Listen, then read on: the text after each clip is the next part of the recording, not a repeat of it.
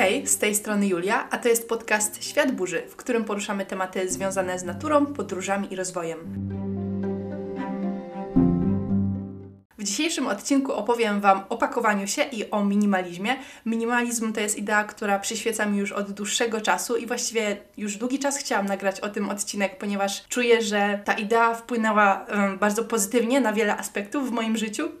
Jednak jako, że ten podcast jest i o podróżach, i rozwoju, to pomyślałam sobie, a co gdyby te dwie rzeczy połączyć? I doszłam do wniosku, że właściwie podróżowanie samo w sobie jest bardzo minimalistyczne i że o ile nie mamy samochodu, w którym y, mamy dużo miejsca i możemy tam e, wpakować wszystko bez większego zastanawiania się, to podróżowanie bardzo weryfikuje to, czego naprawdę potrzebujemy, co nam służy. Bo jeżeli spakujemy jakieś niepotrzebne rzeczy, to później z tego powodu tylko się nanosimy i namęczymy. W ostatnim roku sporo podróżowałam i mam takie świeże doświadczenie spakowania się. Sporo rzeczy, jeżeli chodzi o pakowanie się w tym roku też nauczyłam, więc pomyślałam, że jest to idealny moment, żeby się tą wiedzą podzielić. Jednocześnie bardzo chciałabym Wam podziękować za Wasze zaangażowanie, dlatego że bardzo pomogliście mi w nagraniu tego odcinka. Zapytałam Was na Instagramie o kilka rzeczy i dostałam tak dużo odpowiedzi, że naprawdę nie spodziewałam się aż tak dużego zaangażowania.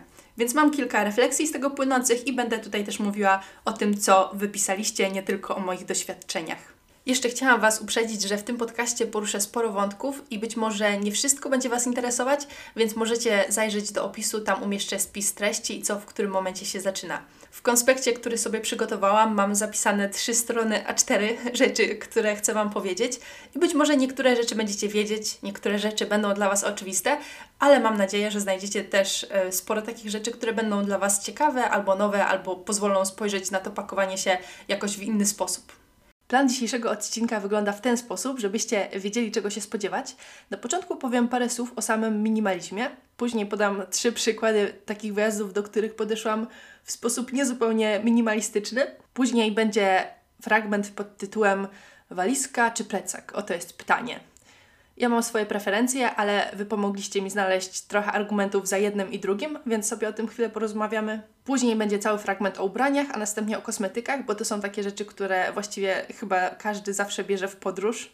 Następnie zapytałam Was o to, bez czego nie wyobrażacie sobie wyjazdu, podróży, więc powiemy sobie o takich e, ważnych dla nas rzeczach ja też powiem, bez czego ja sobie nie wyobrażam podróżowania. Następnie będzie fragment ze wskazówkami i oczywiście w tych wszystkich fragmentach postarałam się umieścić jak najwięcej wskazówek, jednak to będzie taki fragment e, z tipami, które nie pasowały do poprzednich fragmentów. Dalej będzie kilka takich moich minimalistycznych refleksji na temat podróżowania i zwiedzania i samego spędzania czasu w podróży i ostatnia sekcja związana z pamiątkami.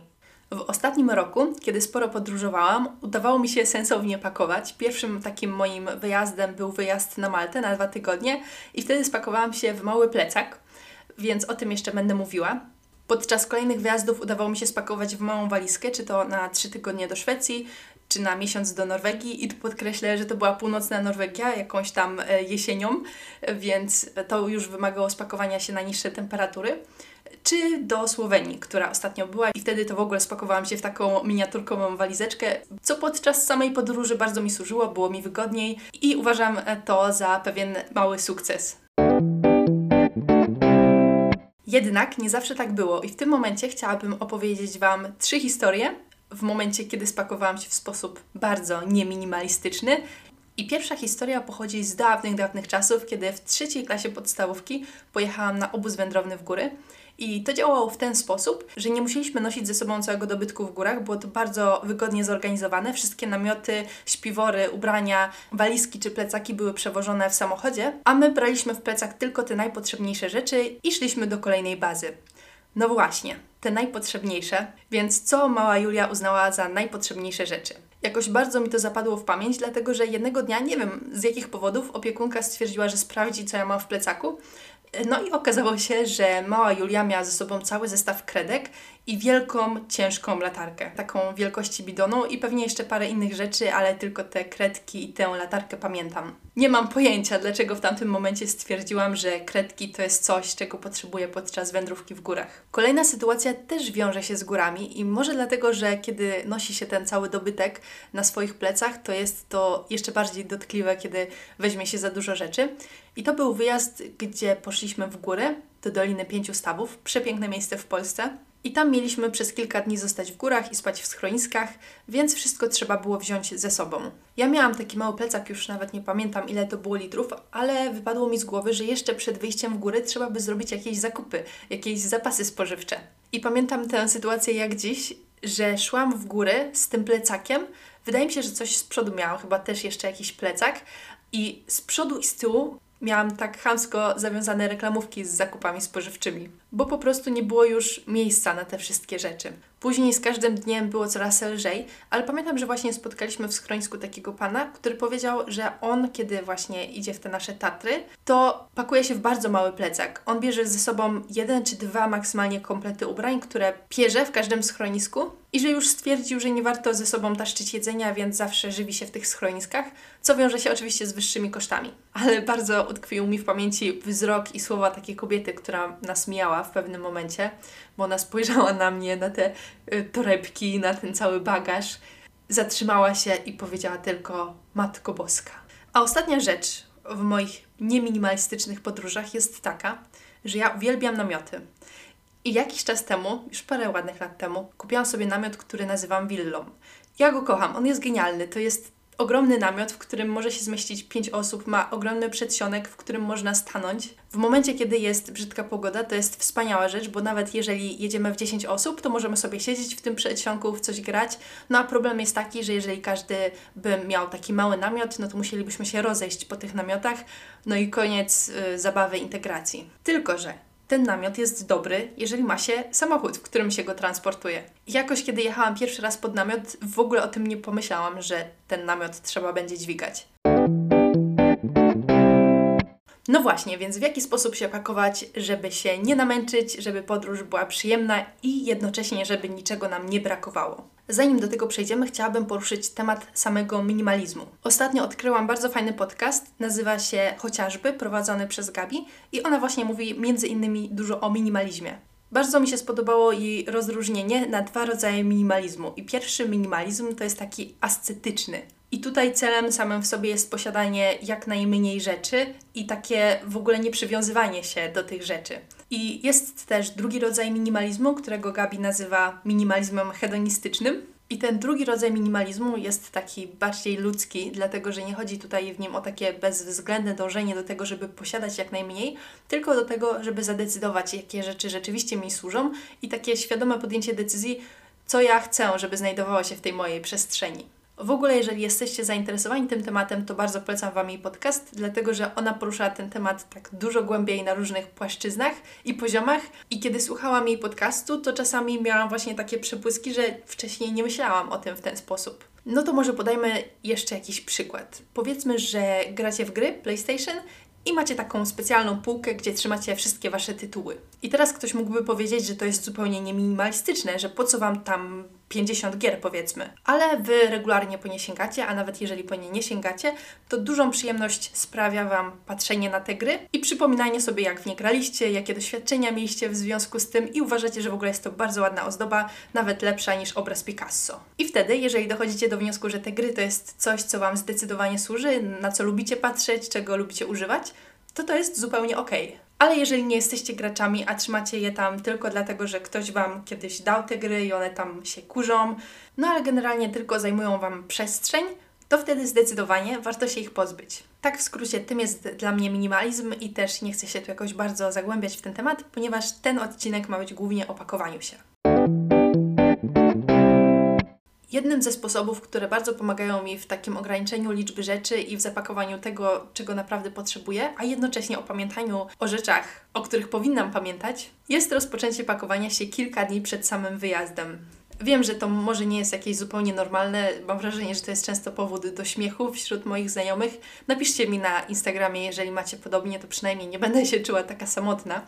Jednak uważam, że takie pakowanie się ma dużo plusów. Chociażby podczas mojego wyjazdu do Norwegii miałam zapakować moje zimowe buty trekkingowe, których nie używałam przez cały rok. Dzięki temu, że zaczęłam się pakować kilka dni przed wyjazdem, to zorientowałam się, że w ogóle nigdzie nie mogę ich znaleźć. Ostatecznie okazało się, że nie wiem jakim cudem, ale jeden z moich butów leżał przez pół roku na tarasie, czyli na zewnątrz. Moja mama była tego świadoma i powiedziała mi, no, że rzeczywiście dziwiła się przez jakiś czas, dlaczego ten but tam leży na zewnątrz i że już w ogóle myślała, żeby zrobić z niego karmik dla sikorek. Więc dzięki temu, że miałam te dwa dni, to udało mi się ten but jakoś odrestaurować, poratować. No i to naprawdę dobrze świadczy o jakości tego buta. Kupiłam go za jakieś 300 zł w Decathlonie, a że po tym pół roku na dworze dalej nadawał się do użytku i sobie w nim chodzę, jestem pod wrażeniem. Dzięki temu, że zaczynam się pakować wcześniej, to mam pewność, że o niczym nie zapomnę i mam taką e, listę rzeczy na telefonie, do których sobie dopisuję podczas tych kilku dni różne rzeczy, które mi się przypomną. Też wcześniej robię pranie, dlatego że ja aktualnie nie mam za dużo ubrań, więc kiedy gdzieś wyjeżdżam, to nie może być tak, że połowę rzeczy mam brudnych, bo już wtedy zazwyczaj nie mam już się w co ubrać. Mam też wtedy czas, żeby na spokojnie sobie wszystko podładować, jakieś powerbanki, wydrukować bilety. I wydaje mi się, że jeżeli pakowałabym się na ostatnią chwilę, to być może nie robiłabym tego w sposób aż tak przemyślany i wzięłabym jakieś rzeczy, których właściwie nie potrzebuję. Ale wiem, że są też takie osoby, które na wieczór przed wyjazdem nalewają sobie lampkę wina i w ciągu godziny są już zapakowani. Chociaż muszę się pochwalić, że na ostatni wyjazd do Słowenii spakowałam się w ciągu 45 minut, więc sama byłam w szoku. No ale tutaj też dwa dni wcześniej zrobiłam sobie pranie wszystkich rzeczy, więc było trochę łatwiej. Więc myślę, że to jest kwestia doświadczenia i niektóre osoby, zwłaszcza jeżeli całe życie żyły na walizkach albo często się gdzieś tam przemieszczały, to nie mają problemu z pakowaniem się na ostatnią chwilę.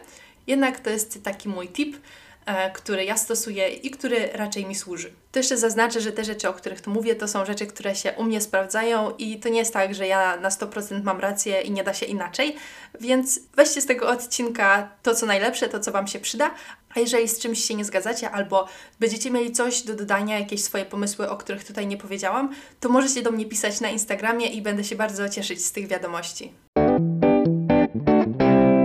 Kolejny punkt to rodzaj bagażu.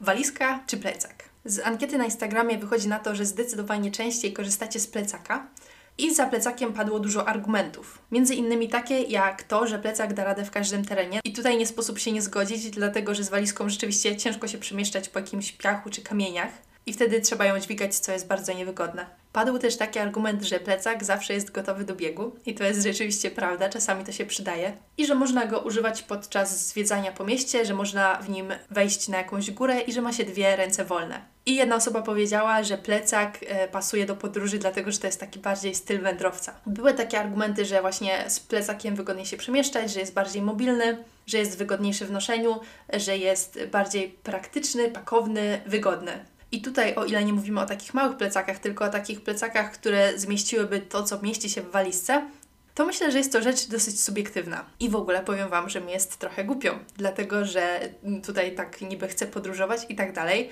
Też bardzo lubię spędzać czas w naturze, uwielbiam góry, a jednak wybrałabym walizkę. Myślę, że to wynika głównie z tego, że nie lubię dźwigać i że raczej rzadko jestem w miejscach, w których rzeczywiście ta walizka nie dawałaby rady, że nie ma tam jakiegoś asfaltu czy chodnika. A jeżeli bym miała iść w góry, czy właśnie miałabym zwiedzać miasto z tym moim bagażem, bo czasami tak się zdarza, że na przykład jesteśmy w jakimś hostelu albo hotelu i trzeba się wymeldować o tej dziesiątej, to albo bym pokminiła, czy da się tę walizkę gdzieś zostawić na chwilę i często tak te walizki zostawiałam, albo maksymalnie starałabym się zminimalizować tą ilość mojego bagażu w plecaku, tak żeby ten plecak był rzeczywiście jak najmniejszy. I też lubię mieć taki podział na rzeczy, których nie muszę raczej ruszać w ciągu dnia, takich jak rzeczy kosmetyczne czy rzeczy na ubranie się, a takie, które powinnam mieć cały czas pod ręką i wtedy te rzeczy bardziej podręczne trzymam sobie oddzielnie w plecaku. A jeżeli uda się właśnie cały dobytek spakować do małego plecaka, to później jeżeli się gdzieś leci samolotem, to nie trzeba dodatkowo płacić za bilet, co ktoś właśnie podkreślił w jednej z odpowiedzi. I ja właśnie w ten sposób pojechałam w tamtym roku w maju na Maltę na dwa tygodnie, spakowałam się do takiego małego plecaka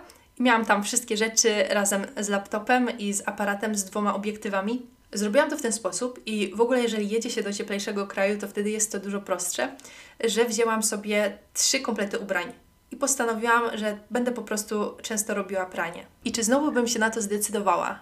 No, nie jestem pewna, dlatego że co prawda w miejscu, gdzie mieszkaliśmy, mieliśmy dostępną pralkę, ale było mi strasznie głupio jakoś tak robić pranie na dwa komplety ubrań, więc skończyło się na tym, że co dwa dni traciłam około 20 minut, pół godziny na to, żeby zrobić sobie pranie.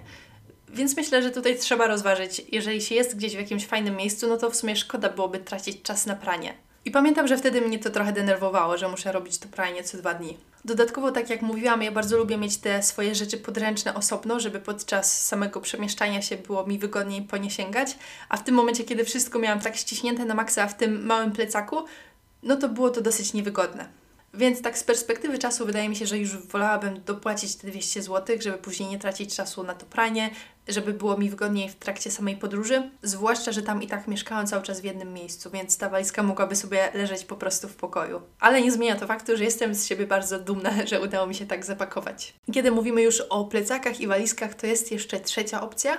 Jest to plecako-walizka. I muszę przyznać, że jest to całkiem fajne rozwiązanie, że czasem, kiedy trzeba pokonać jakiś piach albo kamienie, to można sobie założyć tę walizkę po prostu na plecy jak plecak, chociaż wiadomo, że nie jest to tak wygodne jak plecak typowo turystyczny. Dużą część tego, co pakujemy w podróż, stanowią ubrania, dlatego porozmawiajmy sobie o nich teraz. Bardzo fajnym rozwiązaniem jest wzięcie ze sobą takich ubrań, żeby wszystko do wszystkiego pasowało dlatego że później jesteśmy bardziej elastyczni, jeżeli chodzi o dobiór tych ubrań. Jednym sposobem na to, żeby wszystko do wszystkiego pasowało, jest zachowanie podobnej kolorystyki. I ja to stosuję nie tylko podczas podróży, ale też na co dzień, przez co mam dużo mniej zastanawiania się i kombinowania, w co się ubrać. Dodatkowym plusem jest to, że wtedy, jeżeli w trasie stwierdzicie, że jednak chcecie zrobić pranie, to można wszystko ubrać za jednym razem. Chociaż słyszałam o tym wynalazku, że jest jakaś taka specjalna chusteczka, którą się wrzuca do prania i wtedy ona pochłania te kolory i te ubrania się nie barwią. Ja dużą większość ubrań mam w kolorach granatowym, czarnym i khaki. To są kolory, w których sama się bardzo dobrze czuję, i jednocześnie też wszystkie do siebie pasują nawzajem. Jednak mam z nimi pewien problem, dlatego że od momentu, w którym zaczęłam stawać po drugiej stronie obiektywu i znajduję się sama na tych zdjęciach, to widzę, że te ubrania nie zawsze są fotogeniczne. Od jakiegoś czasu mam taką bluzę w żółtym kolorze i ona bardzo fajnie wychodzi na zdjęciach. Myślę, że możecie mnie czasami w niej widzieć na Instagramie. I ona tak wyłamuje się kolorystycznie z tych wszystkich moich ubrań, ale nie wiem, mam teraz taki mały kryzys, jak do tego podejść, żeby te ubrania były bardziej fotogeniczne, ale żebym dalej miała taką w miarę minimalistyczną szafę. Jeżeli jedziecie do ciepłych krajów, to jest dużo łatwiej z tym pakowaniem się, dlatego że te rzeczy na lato zajmują dużo mniej miejsca. Na Malcie bardzo fajnie mi się sprawdziły topy, dlatego że one zajmują bardzo, bardzo mało miejsca. Jednak jeżeli już jedziecie do takiego gorącego kraju, to bardzo polecam wziąć ze sobą jakąś jasną rzecz. Ja z tą swoją czarną garderobą to myślałam, że tam po prostu się ugotuję. Na szczęście moja rodzina pożyczyła mi taką białą bluzkę, która miała długie rękawy, miała kaptur i ona była genialna, dlatego że zakrywała skórę, ale jednocześnie była bardzo przewiewna. I zwłaszcza jak się dużo czasu spędza na dworze, a ja naprawdę każdego dnia smarowałam się chyba dwa razy dziennie pięćdziesiątką, to mimo wszystko uratowało mi to skórę. Z kolei w zimniejszych krajach bardzo fajnie mi się sprawdzała bielizna termiczna, dlatego że zajmuje bardzo mało miejsca, a jest to taka dodatkowa warstwa, która rzeczywiście pomaga utrzymać ciepło. Zdecydowanie duże znaczenie ma materiał. Ja na przykład na Maltę wzięłam taką jedną bluzkę i wzięłam ją też do Szwecji. Ona jest z bawełny i to jeszcze z takiej trochę grubszej bawełny. I ona mi się dosyć słabo sprawdziła, głównie z tego powodu, że zajmowała dużo miejsca i też e, bawełna wolno schnie. A z kolei takie ubrania, które są typowo trekkingowe, one często są z takiego materiału, że schną błyskawicznie. Pewnego razu, jak byłyśmy w Szwecji na spacerze z moją ciocią, to na początku złapał nas deszcz i byłyśmy przemoknięte, ale po kilku godzinach okazało się, że moja ciocia, która miała właśnie takie ubrania trekkingowe, właściwie już była sucha. I dodatkowo te ubrania zajmują bardzo mało miejsca, więc jestem bardzo dużą ich fanką. Jest też jeden materiał, który jest dla mnie odkryciem ostatnich miesięcy i jest on genialny właśnie do takich zimniejszych krajów, czy na niższe temperatury, czy nawet na małą mrzawkę, czy na jakąś taką wilgotną pogodę jest to wełna. W północnej Norwegii ten materiał jest tak popularny, tam wszyscy noszą tą wełnę, noszą takie charakterystyczne norweskie swetry z wełny i nawet papilony, które wyprowadzałyśmy na spacer miały takie wełniane sweterki. I ja się temu rzeczywiście nie dziwię, dlatego że mimo, że ta wełna ma swoje wady i też jest taka dosyć drapiąca, to jest mega ciepła ja później dostawałam telefony od mamy Sary, dlaczego ja chodzę taka rozgogolona, a mi po prostu było ciepło w tym samym swetrze i bieliźnie termicznej pod spodem. Jeżeli chcielibyście kupić taki typowo norweski wełniany sweter,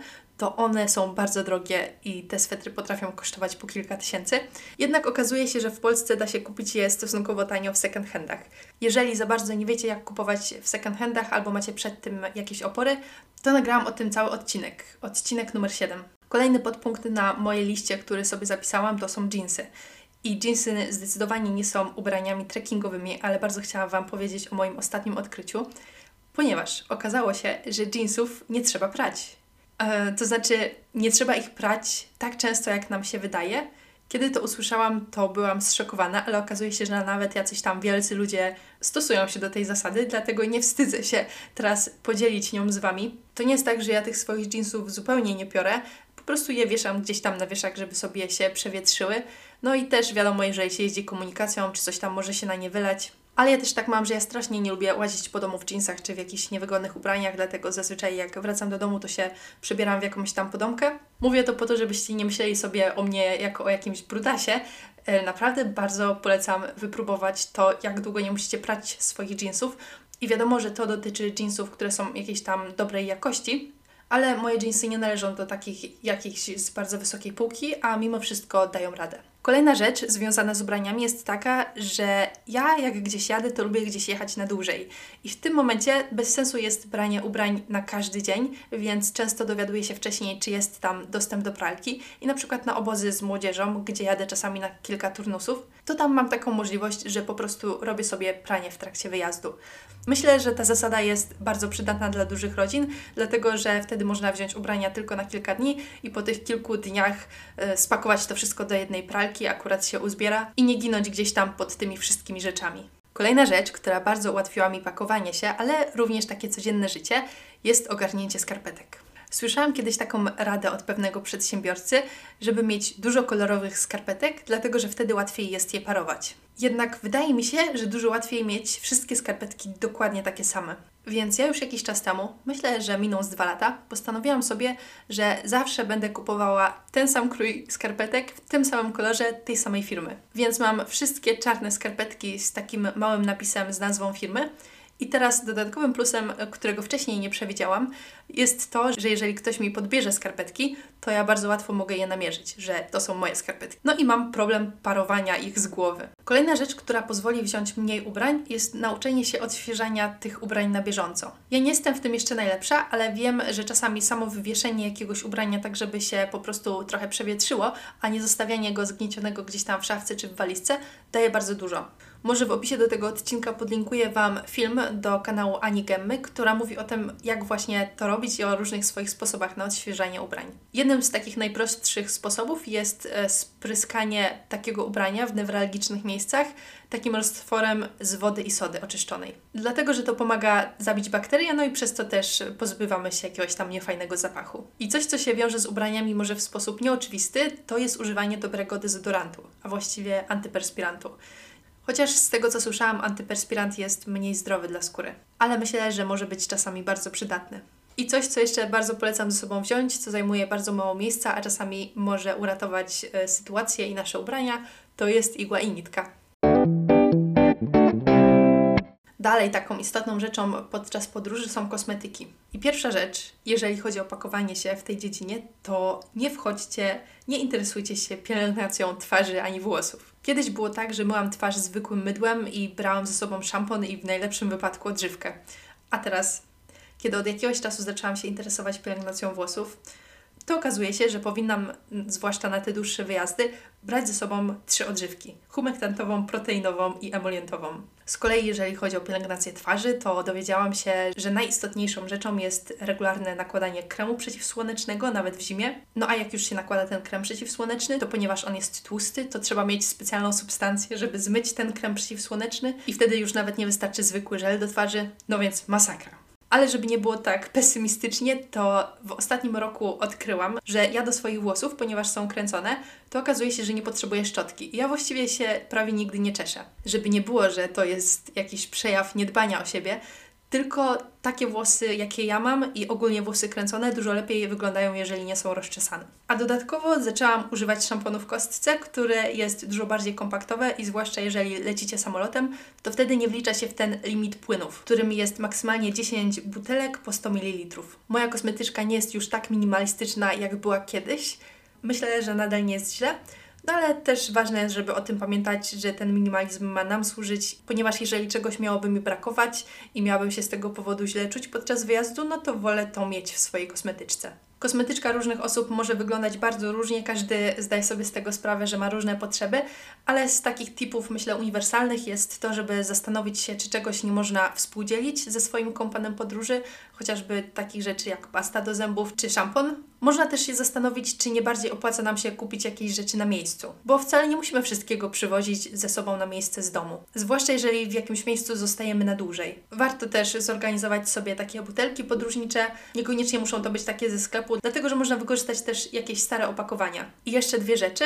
Ja lubię wcześniej zapytać, czy na miejscu jest dostępny ręcznik, dlatego że wtedy mogę oszczędzić bardzo dużo miejsca i wolę o to zapytać, a nie założyć, że ten ręcznik jest w tym miejscu, dlatego że mam taką traumatyczną historię, że kiedyś jak byłam mała, to pojechałam na obóz i jakoś tak byłam przyzwyczajona, że jak gdzieś jedziemy z rodzicami na wakacje, no to nawet w tych, nie wiem, y, takich najprostszych hotelach czy hostelach często są dostępne ręczniki. No a okazało się, że na tej kolonii czy obozie nie było ręcznika i ja byłam jedynym dzieckiem, które o tym nie pomyślało i było mi tak strasznie głupio, ale na szczęście miałam wtedy przy sobie siostrę, która jakoś o tym pomyślała. Ale jeżeli na miejscu nie ma dostępnego ręcznika, to wtedy warto zaopatrzyć się w taki szybko schnący, ponieważ on nie dość, że szybko schnie, jak mówi nazwa, to jeszcze zajmuje bardzo mało miejsca. I na koniec myślę, że zawsze warto mieć przy sobie jakiś płyn antybakteryjny, zwłaszcza jeżeli jadę gdzieś w jakąś dłuższą podróż. Teraz jedno z pytań, które Wam również zadałam na Instagramie i byłam bardzo ciekawa Waszych odpowiedzi, czyli czy jest coś, bez czego nie wyobrażasz sobie podróży? Zacznę od Waszych odpowiedzi. Były to takie rzeczy jak powerbank, telefon i laptop, czytnik, butelka na wodę, wygodne buty, słuchawki, poduszka dwa w jednym.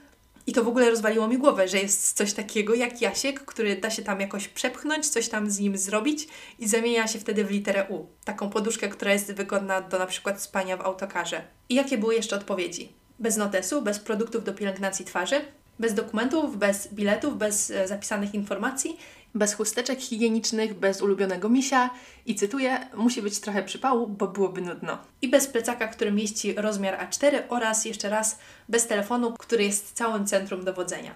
Część z tych rzeczy zdecydowanie pokrywa się z tym, bez czego ja nie wyobrażam sobie podróży. Jest to chociażby czytnik. I wiem, że czasami są opory, żeby czytać na czytniku, że jednak te papierowe książki są lepsze, fajniejsze. Ja sama też nie byłam do końca zdecydowana, czy kupować ten czytnik, czy nie, ale ostatecznie jestem bardzo zadowolona. No i w podróży on staje się już w ogóle niezastąpiony, ponieważ no, nie ma szans, żebyśmy wzięli ze sobą tyle książek, ile możemy wziąć tam na tym czytniku. A ja jestem taką osobą, że często zaczynam różne książki i nie zawsze mam taki mus, że muszę przeczytać jedną książkę od deski do deski, więc dosyć często skaczę po tych książkach, więc dla mnie ten czytnik jest w tym momencie idealny. I ogromnym plusem czytnika jest to, że można na nim zaznaczać notatki. To jest problem, z którym zmagałam się przez lata, żeby zmobilizować siebie do tego, żeby jakoś robić notatki z tych książek, a tak sobie na czytniku po prostu zaznaczam dany fragment, a później tak mi się wydaje, jeszcze z tego nie korzystałam, że można te wszystkie notatki wyeksportować do jakiegoś jednego pliku. I często o tym, czy dany nawyk wejdzie nam w krew, czy nie, decydują takie małe przeszkody albo małe zachęty. Ten czytnik, który mam, ja mam akurat Kindle, ma opcję podświetlania ekranu. Nie wiem, czy każdy czytnik to ma. I w tym momencie ja kładę się do łóżka i już nawet nie muszę mieć zapalonego światła, tylko sobie leżę i po prostu wygodnie czytam. I to jest bardzo komfortowe. Czy właśnie jak jechałam ostatnio autobusem do Słowenii, to nie musiałam się przejmować tym, że było w autokarze ciemno, ponieważ jechaliśmy nocą i nie musiałam kombinować z jakąś latarką, tylko po prostu trzymałam sobie ten czytnik, który miał już wbudowane oświetlenie. Zdecydowanie też lubię mieć wydrukowane wcześniej bilety, tak na wszelki wypadek. Lubię też sobie wcześniej na kartce fizycznie spisać wszystkie adresy, wszystkie telefony do miejsc, do których jadę, żeby być po prostu spokojną, jakby coś tam mi się zepsuło w telefonie. Albo jeżeli jadę z drugą osobą, to wtedy wysyłam też do niej te wszystkie rzeczy i ona wysyła do mnie swój bilet, żeby być zabezpieczonym na wszelkie możliwe sposoby, jeżeli coś się stanie. Oczywiście też nie wyobrażam sobie podróży bez telefonu, bez słuchawek, bez powerbanka. No i tych wszystkich ładowarek, których do nich potrzebuję. Jakieś pół roku temu kupiłam sobie taką dmuchaną poduszkę w Decathlonie za 19 zł i rzeczywiście to mi się super sprawdza, ponieważ ona jest naprawdę wygodna, a po tym jak już przestanę jej używać, to mogę z niej wypompować powietrze i skurczyć ją do malutkich rozmiarów. Wcześniej zazwyczaj układałam się na jakiejś bluzie czy kurtce i to też daje radę, ale jak myślę sobie o tej poduszce, to jednak jest to bardziej komfortowe. I ja również zawsze w podróży ze sobą mam laptopa, Dlatego, że bardzo dawno nie byłam na jakimś takim wyjeździe kilkudniowym. Tak jak mówiłam, jak gdzieś jadę, to jadę zazwyczaj na dłużej. I oprócz tego, że ja często robię jakieś projekty na tym komputerze, czy się uczę na nim, to też komputer jest dla mnie narzędziem pracy. Dosyć często mówię, że moim marzeniem jest praca zdalna, ale ja już właściwie pracuję zdalnie, dlatego że od jakiegoś czasu udzielam zdalnie korepetycji z matematyki. I jest to w sumie świetne rozwiązanie, dlatego że coś tam zawsze wpadnie, można zarabiać będąc za granicą, a jednocześnie też nie jest to taki typowy etat. Ograniczeniem jest to, że raczej nie opłaca się zakładać firmy na samo udzielanie korepetycji, więc można to robić w ramach działalności nierejestrowanej i wtedy można zarabiać maksymalnie do 50% kwoty minimalnego wynagrodzenia w danym roku. I z tego powodu mam właśnie laptop dotykowy, ale na dodatek ten laptop jest super leciutki i zajmuje jeszcze mało miejsca, jak na laptopa, a myślę, że te dwie rzeczy są bardzo ważne przy podróżowaniu. Tak jak wiecie, bardzo ważne jest dla mnie również wzięcie ze sobą aparatu fotograficznego i mój aparat to Lumix G7, on jest y, już właściwie prawie niedostępny na rynku, ale ważne jest to, że jest bezlusterkowcem, dlatego że lustrzanki zajmują dużo więcej miejsca.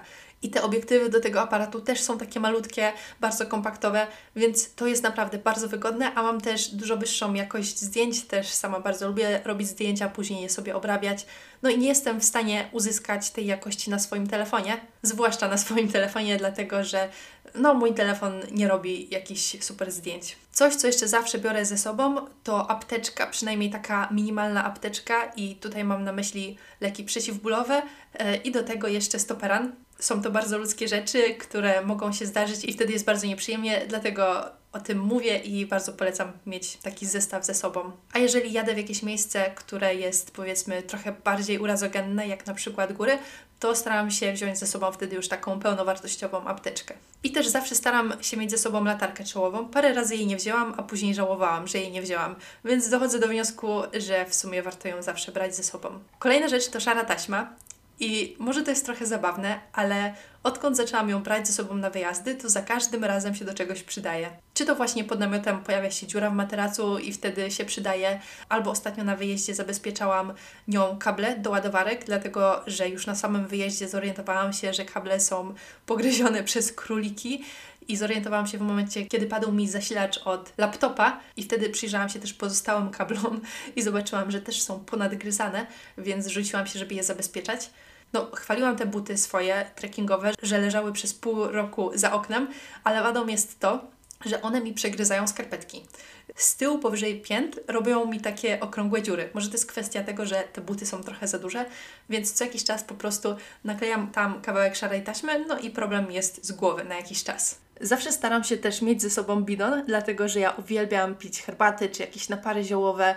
Mogę też tam trzymać sobie kawę. I mam taki mały bidon, który nie jest ciężki, a kiedy go już mam na przykład podczas samej podróży czy w pociągu, to może dodać tak trochę luksusu i uprzyjemnić tę podróż kiedy mogę się napić czegoś ciepłego. Też zazwyczaj wtedy biorę ten bidon na jakieś tam trekkingi, czy wycieczki i wtedy taka ciepła herbata czy kawa mogą uświetnić jakiś moment. Na przykład w Norwegii było tak, że trafiłyśmy przez przypadek z Sarą na fajny wodospad i sobie usiadłyśmy na brzegu tego wodospadu i to był idealny moment, żeby napić się właśnie tej kawy, którą miałyśmy w bidonie. Czy właśnie kiedy docieram do jakiegoś punktu widokowego, to wtedy ta chwila jest jeszcze fajniejsza, kiedy mogę się napić czegoś ciepłego. Jest też taka rzecz, która zajmuje bardzo mało miejsca, a znacząco poprawia komfort spania podczas podróży. Jest to opaska na oczy. Ja mam taką opaskę, którą już kilka ładnych lat temu uszyła mi moja siostra i od tego czasu się z nią nie rozstaję. Mówiłam o tym w podcaście o wieczornej i porannej rutynie. To był odcinek numer 8, e, dlatego że w swoim własnym pokoju też nie zawsze mam taką możliwość, żeby było zupełnie ciemno, dlatego też czasami używam tej opaski po prostu w domu. Ale zauważyłam, że nawet jeżeli mam się gdzieś zdrzemnąć przez 20 minut, to ta drzemka jest dla mnie dużo bardziej regenerująca, kiedy mam po prostu ciemność przed oczami. I ostatnia rzecz, która może już nie jest e, jakimś protipem, to jest to, że doszłam do wniosku, że zawsze, zwłaszcza na te wyjazdy zimowe, będę ze sobą brała kostium kąpielowy i buty do morsowania, dlatego że pojechałam do Norwegii, i tego nie zrobiłam i później przez miesiąc musiałam morsować w kaloszach i w jakichś pożyczanych ubraniach. Do Słowenii już wzięłam te rzeczy i okazało się, że to był strzał w dziesiątkę, dlatego że okazało się, że miałyśmy rzekę dosłownie dwie minuty na piechotę od domu. Zapytałam Was również na Instagramie, czy macie jakieś swoje tipy, jakieś wskazówki, jakieś sposoby na pakowanie się. I jedną z odpowiedzi, która padała najczęściej, było rolowanie ubrań. Ja się z tym zupełnie zgadzam, bo rzeczywiście u mnie się to bardzo sprawdza. To rolowanie jakoś tak dużo lepiej pomaga zagospodarować tą przestrzeń i wykorzystać ją e, w całości. Czy ubrania się wtedy gniotą jakoś bardziej?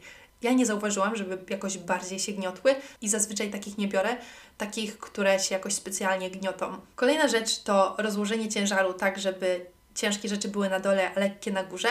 Ta rada dotyczyła plecaków. Kolejna rada to pakowanie kategoriami w torebki i z tym się też zdecydowanie zgadzam. Pozwala to zachować większy porządek w tych wszystkich rzeczach. Pojawiła się również butelka z filtrem i to jest bardzo fajny pomysł. Ja też to jakiś czas stosowałam. Tylko myślę, że warto zauważyć, e, nie wiem czy tak jest na wszystkich butelkach, ale jak wczytywałam się w opis jednej, to tam było napisane, że ona służy do filtrowania wody, która już nadaje się do picia, co jest trochę bez sensu, ale może to jest tylko takie zabezpieczenie firmy, żeby później w razie jak ktoś się zatruje, to żeby nie miał do nich pretensji. I ja od siebie jeszcze dodam tutaj dwie rzeczy, a mianowicie, że warto zadbać o jakość tych wszystkich przedmiotów, które ze sobą bierzemy, dlatego żeby one nam po prostu dobrze służyły, żeby się nie zepsuły gdzieś tam po drodze, tak jak moja ładowarka od laptopa. Jeżeli się bierze ze sobą plecak, to dobrze, żeby był wytrzymały.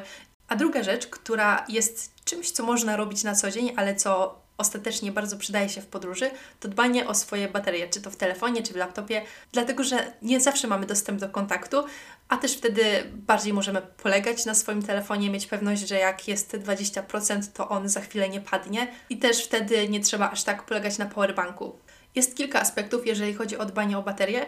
To, czego ja staram się najbardziej pilnować, to to, żeby nie rozładowywać baterii poniżej 40-20% i żeby nie przekraczać 80% podczas ładowania. Swojego laptopa mam już od kilku ładnych lat i kiedy patrzę na to zużycie baterii, to jest naprawdę znikome. To jest coś, o czym kiedyś czytałam i coś, co przetestowałam na sobie, ale też wiem, że podcasty żyją długo, więc jeżeli ktoś będzie słuchał tego za kilka lat, to być może będzie to już działało inaczej. Więc polecam też się tym samemu trochę zainteresować, jak zadbać o swoją baterię w telefonie czy w laptopie. Jeżeli po podróży zostawiacie też swojego powerbanka, czy w ogóle jakiekolwiek urządzenie, to warto je zostawić, to warto je zostawić tak naładowane do około 40%. I w trakcie przechowywania ona utraci jeszcze jakąś część swojej energii, ale będzie to dla niej zdecydowanie zdrowsze niż gdyby była zupełnie rozładowana. Są jeszcze dwa tematy, które chciałabym poruszyć w tym odcinku. I jest to sam sposób podróżowania, sam sposób zwiedzania oraz pamiątki, które będą na koniec. Powiem Wam, że ja zupełnie nie czuję takiego podejścia liczenia krajów, bo czasami wejdzie się na czyjegoś Instagrama, jakiegoś podróżnika i wtedy w bio jest napisane w ilu krajach on był. No i to ciężko w sumie policzyć, bo jak na przykład jechałam do jakiegoś kraju i zatrzymałam się na kilka godzin, powiedzmy w Wiedniu, tak jak ostatnio, to czy wtedy tą Austrię powinnam liczyć do tych krajów, czy nie? Jeżeli zdaję sobie sprawę, że północna Norwegia jest tak zupełnie inna niż południowa Norwegia, to nie wiem, czułabym się źle mówiąc, że zwiedziłam już Norwegię. Chociaż jest trochę tak, że jak myślę sobie o ostatnim roku, to myślę sobie, aha, dobra, byłam w tym kraju, w tym, w tym i w tym, no czyli w takiej liczbie krajów. No to może jeszcze do jakiegoś kraju pojechać, żeby była ładniejsza liczba. Więc może trochę też się na to łapię, i też nie chciałabym, żebyście zrozumieli mnie źle, bo ja zdecydowanie nie chcę nikogo oceniać i mówić, że to jest bez sensu. Bo w sumie ja sama jestem taką osobą, która bardzo lubi odhaczać różne rzeczy i kiedy mam listę rzeczy do zrobienia, to jest to dla mnie bardzo motywujące, kiedy mogę sobie jakąś rzecz skreślić albo zaliczyć. Więc jeżeli kogoś to motywuje do podróżowania, czy traktuje to jako taki system śledzenia swoich podróży, no to w sumie bardzo spoko. Chciałam jednak wyjść od tego miejsca, żeby powiedzieć o takim sposobie na podróżowanie, które można powiedzieć, że w pewien sposób jest minimalistyczne, dlatego że bardziej stawia na jakość, a nie na ilość. Zacznę od takiego przykładu.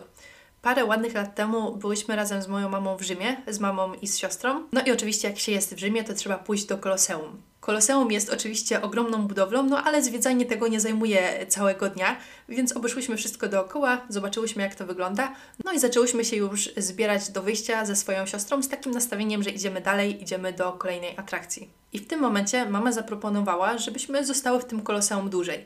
No to tak byłyśmy nie do końca zadowolone z tą siostrą, no bo już wszystko widziałyśmy, no to nie wiem, po co tutaj siedzieć dalej. Usiadłyśmy sobie tam na jakimś przewróconym kamieniu, wyciągnęłyśmy śniadanie, zaraz wokół nas zebrały się gołębie, a ponieważ my byłyśmy dosyć małe, to obcowanie z tymi gołębiami też sprawiało nam dużo radości. No i powiem Wam, że bardzo dobrze wspominam to siedzenie w tym koloseum. Takie chłonięcie atmosfery tego miejsca i obserwowanie innych ludzi, obserwowanie słońca, które jest coraz niżej i wędruje wzdłuż murów tego koloseum. I muszę przyznać, że bardzo lubię ten typ podróżowania. Jeszcze kiedy w zestawie to z takimi wyjazdami typowo szkolnymi, gdzie jeździło się tym autokarem i odhaczało jak najwięcej atrakcji i jeszcze na dodatek to zwiedzanie było dla nas strasznie nudne. Mam wrażenie, że rzadko kiedy trafiał się nam na wycieczkach dobry przewodnik, który umiałby zainteresować w jakiś sposób dzieci tą historią danego miejsca. To, do czego dążę, to to, że nauczyłam się, żeby zwracać większą uwagę na swoje potrzeby i na to, co mi sprawia radość, i to, jaki sposób podróżowania rzeczywiście jest dla mnie fajny. Wiem, że jestem w takiej sytuacji, że mogę sobie pozwolić gdzieś na pojechanie dłużej, no a jeżeli ma się tylko dwa dni na jakiś wyjazd, to chciałoby się zrobić więcej i zobaczyć więcej i wykorzystać ten czas w 100%. I myślę, że to też jest zupełnie ok, jeżeli to jest coś, czego chcecie. Tak jak wiecie, ja zdecydowanie dużo bardziej wolę spędzać czas w naturze, w jakichś dzikich miejscach, niż w mieście, ale jak już jestem w danym mieście, no to bardzo chętnie pójdę na jakieś zwiedzanie, czegoś dowiem się o danym miejscu czy historii tego miejsca. Jednak wiem, że jeżeli cały dzień miałabym chodzić po muzeach, to pod koniec byłabym okropnie zmęczona i właściwie to nie wiem, czy zadowolona z tego czasu. O, na przykład taki dzień był dla mnie idealny. Jak byłam w Lublanie, to spotkałam się z właścicielami kota i poszliśmy sobie właśnie na zwiedzanie, na free tour. To jest takie zwiedzanie, na które nie trzeba się zapisywać, nie trzeba tam nic płacić, jedynie pod koniec można zapłacić kwotę, którą uważa się, że jest odpowiednia. I to zwiedzanie trwało około dwóch godzin, a później poszliśmy sobie coś zjeść, gdzie długo gadaliśmy a później gdzieś tam poszliśmy się przejść, wzięliśmy jakąś kawę, którą sobie wypiliśmy w promieniach słońca i właśnie tak bez pośpiechu, w dobrym towarzystwie i chłonąc tą atmosferę tego miejsca. Także podobnie jak do tych ubrań i do przedmiotów, wydaje mi się, że takie minimalistyczne podejście do podróżowania to jest robienie w podróży tego, czego rzeczywiście chcemy i jechanie do miejsc, do których rzeczywiście chcemy, a nie dlatego, że wypada to odwiedzić i dlatego, że na przykład wypada w swoim życiu zobaczyć wieżę Eiffla. Ostatnie pytanie, jakie Wam zadałam, to jakie pamiątki lubisz przywozić z podróży? I odpowiedzi, jakie padły, to magnesy, coś oryginalnego z danego miejsca, regionalne produkty, pojawiły się zdjęcia, siniaki i rany, bardzo dobre pamiątki, pojawiły się pocztówki, kubki, relacje z ludźmi, wspomnienia i też pojawiły się takie odpowiedzi, że po prostu wspomnienia i niekoniecznie czujecie potrzebę kupowania jakichś pamiątek z danego miejsca. Ja specjalnie nie pisałam na Instagramie e, o tym, że ten podcast będzie też dotyczył minimalizmu, po to właśnie, żeby nikogo nie hamować z pisaniem o tych pamiątkach.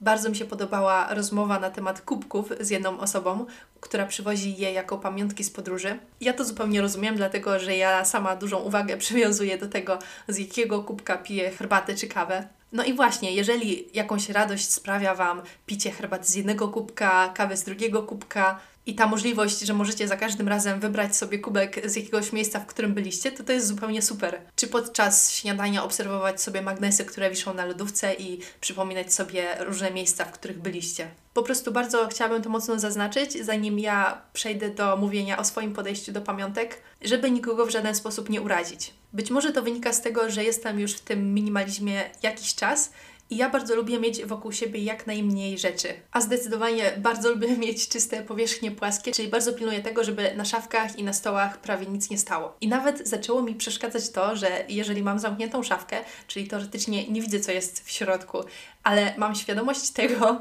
że tam jest dużo rzeczy, to mam ochotę się pozbyć jak największej ilości rzeczy z tej szafki. Teraz może jak to mówię, to brzmi jak jakiś dziwak i nie chciałabym też nikogo zniechęcać do minimalizmu, bo tak jak już mówiłam, każdy ustala swoje zasady. Jednak myślę, że to ma plusy, że to ma swoje plusy, że ma się mniej rzeczy wokół, bo wtedy łatwiej jest zapanować nad tą przestrzenią, łatwiej jest też zachować porządek i ogólnie się w tym wszystkim odnaleźć. Ja na przykład teraz bardzo dobrze wiem, jakie ubrania mam w swojej półce, z ubraniami, a kiedyś było tak, że totalnie się w tym gubiłam. I kiedyś miałam tak, że właśnie wydawało mi się, że powinnam z wyjazdów przywozić jakieś pamiątki, zwłaszcza, że kuszą do tego sklepy z pamiątkami, ale znalazłam fajne rozwiązanie na to i są to właśnie pocztówki, o których Wy też mówiliście. Pocztówki są raczej łatwo dostępne w każdym miejscu, no i są bardzo charakterystyczne, ponieważ zazwyczaj na nich jest jakieś zdjęcie z danego miejsca i wtedy zazwyczaj pod koniec wyjazdu biorę taką pocztówkę i piszę z tyłu parę słów o tym wyjeździe. I później bardzo miło mi się wraca do takich pocztówek. Aha, jeszcze do tego zapisuję datę. I dużym plusem jest to, że właśnie te pocztówki zajmują bardzo mało miejsca i można je łatwo ogarnąć i też łatwo do nich wrócić i sobie powspominać. Bardzo mi się podobała odpowiedź na temat relacji zawiązanych gdzieś tam podczas podróży. To jest też to, co bardzo lubię w podróżach. We mnie jest sporo introwertyka, ja bardzo lubię być sama, ale lubię też poznawać ludzi, z którymi mam jakiś temat wspólny. A w podróży często tych tematów wspólnych znajduje się sporo. Jest jeszcze jedna rzecz, którą bardzo lubię przywozić z podróży, i to jest bardzo nieminimalistyczne, i są to zdjęcia. Jeżeli dobrze pamiętam, to z samej Norwegii przywiozłam chyba 7 tysięcy zdjęć, ale tak właściwie to przywiozłam ich 14 tysięcy, dlatego że jak robię zdjęcia na swoim aparacie, to robię je w RAWie i robię też w JPEG-u. Więc można powiedzieć, że to znowu jest zupełnie nieminimalistyczne. Po co w ogóle dublować jedno zdjęcie? Robię to dlatego, że część zdjęć od razu przegrywam sobie bezpośrednio z aparatu na telefon. Wtedy je sobie edytuję na telefonie w aplikacji Snapseed i publikuję czy to na relacjach, czy jako post na Instagramie. Jest to dużo wygodniejsze, a później, kiedy mam y, trochę czasu więcej, to sobie siedzę przy komputerze i obrabiam zdjęcia, robię w nich porządki i tak dalej. Chciałam poruszyć ten temat pamiątek, dlatego że też jakoś wiąże się z bagażami, później te rzeczy przywozimy. I powiem Wam, że na przykład moja mama ma takie podejście, że ona lubi zostawić sobie trochę miejsca w walizce właśnie na różne takie regionalne rzeczy i pamiątki z podróży. Byłam ciekawa tego, co Wy przywozicie ze sobą z podróży i pomyślałam, że podzielę się tym moim sposobem z kartkami pocztowymi, bo może akurat komuś się spodoba. No a okazało się, że nie jestem w tym sama i niektórzy z Was też przywożą sobie kartki pocztowe z podróży. To wszystko na dzisiaj, co miałam Wam powiedzieć na temat minimalizmu i pakowania się.